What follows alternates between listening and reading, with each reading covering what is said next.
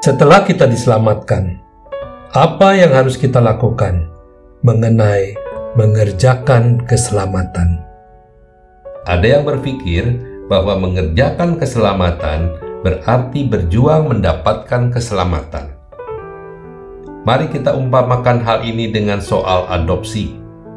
Katakanlah kita mengadopsi seorang anak dari panti asuhan.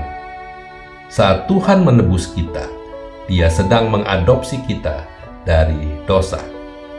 Harganya, darah Yesus Kristus sebagai anaknya yang kudus. Saat kita mengadopsi anak tersebut, kita tentu akan memperlakukan dia sebagai anak kita, memenuhi semua kebutuhannya, dan menyayanginya.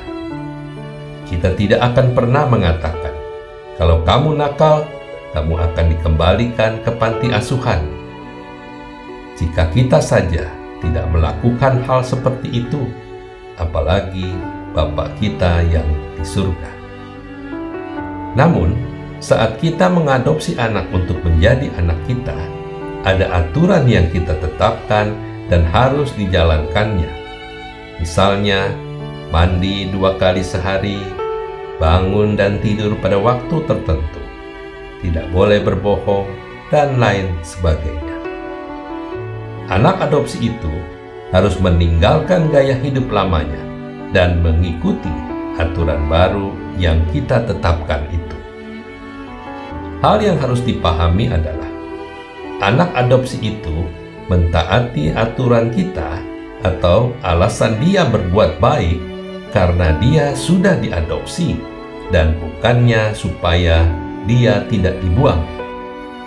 Sehingga status anak adopsi itu tidak aman dan membuat dia hidup dalam ketakutan.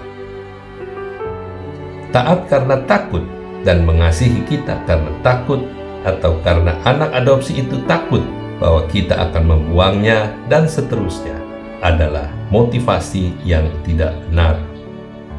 Seharusnya karena kita sudah diselamatkan, jadi siapa yang ada di dalam Kristus, ia adalah ciptaan baru yang lama sudah berlalu, sesungguhnya yang baru sudah datang. 2 Korintus 5 ayat 17 Kita menghidupi kehidupan kita dalam anugerah Tuhan dengan melakukan apa yang Yesus perintahkan, bukan untuk melengkapi keselamatan, tetapi karena kita sedang mengerjakan keselamatan kita. Jika kita sudah diberi lahan, kita akan mengerjakannya, bukan supaya lahan itu tidak diambil kembali dari kita, tetapi supaya lahan itu menghasilkan buah. Saudara, jika kita sudah hidup baru di dalam Kristus, hasilkanlah buah pertobatan. Hati pertobatan adalah sikap iman, sedangkan buah pertobatan adalah perbuatan hati pertobatan dinilai oleh Tuhan, sedangkan buah pertobatan disaksikan dan dirasakan buahnya oleh sesama kita manusia. Seharusnya buah pertobatan kita akan membuat kita betul-betul membenci dosa dan kembali kepada jalan Tuhan serta hidup berkenan di hadapannya. Bagaimana jika kita berbuat salah setelah diselamatkan? Seperti ilustrasi di atas. Bagaimana jika anak adopsi itu berbuat salah setelah dia kita adopsi? Apa yang diharapkan saat anak kita berbuat salah? Kita berharap ia datang kepada kita dan meminta maaf. Kita akan menunjukkan kepadanya bahwa kita orang tua yang setia dan adil yang akan menghapus catatan kesalahannya serta tidak mengungkit-ungkit lagi, sehingga anak itu memiliki rasa aman bersama dengan kita. Tuhan pun melakukan hal yang demikian ketika kita datang dan mengakui segala kesalahan kita kepadanya. Dalam 1 Yohanes 1 ayat 9 dikatakan, jika kita mengaku dosa kita, maka Ia adalah setia dan adil, sehingga Ia akan mengampuni segala dosa kita dan menyucikan kita dari segala kejahatan.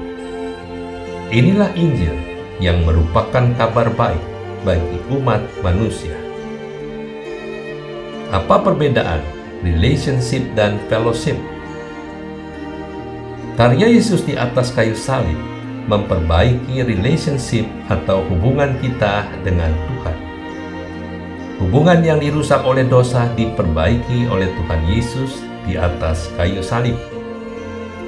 Dalam hubungan yang sudah dipulihkan, kita memiliki fellowship atau persekutuan dengan Kristus. Meminta ampun setelah melakukan kesalahan adalah untuk memperbaiki fellowship. Pertanyaannya, apakah berarti sekarang kita bebas berbuat dosa? Kemudian minta ampun dan ampun lagi?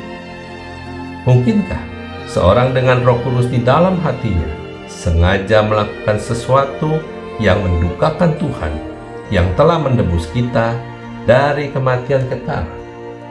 Tentu tidak bukan. Tetapi semua orang yang menerimanya diberinya kuasa supaya menjadi anak-anak Allah, yaitu mereka yang percaya dalam namanya. Yohanes pasal 1 ayat ke-12. Tapi mungkinkah Tuhan menolak kita? Mungkinkah dia tidak mengakui kita? Mungkinkah setelah lepas dari kutuk dosa, Anda menyangkali dia yang melepaskan Anda? Tentu tidak. Karena itu, kita harus mengerjakannya, menghasilkan buah-buah pertobatan, hidup mengasihinya sepenuh hati, mengerjakan keselamatan itu bukan supaya kita diselamatkan, tetapi karena kita sudah menerimanya. Lalu, apa kunci dari hidup yang menyenangkan Tuhan? Yesus sudah menjelaskannya. Kasihi Tuhan dengan segenap hati, jiwa, dan akal budi kita. Jika kita mengasihi Tuhan, kita tentu ingin menyenangkan hatinya, minta ampun jika melakukan suatu yang tidak dia sukai. Kasihilah sesama manusia seperti diri kita sendiri. Jadi marilah kita mengerjakan keselamatan kita dengan penuh pengucapan syukur atas kasih karunia-Nya. Amin.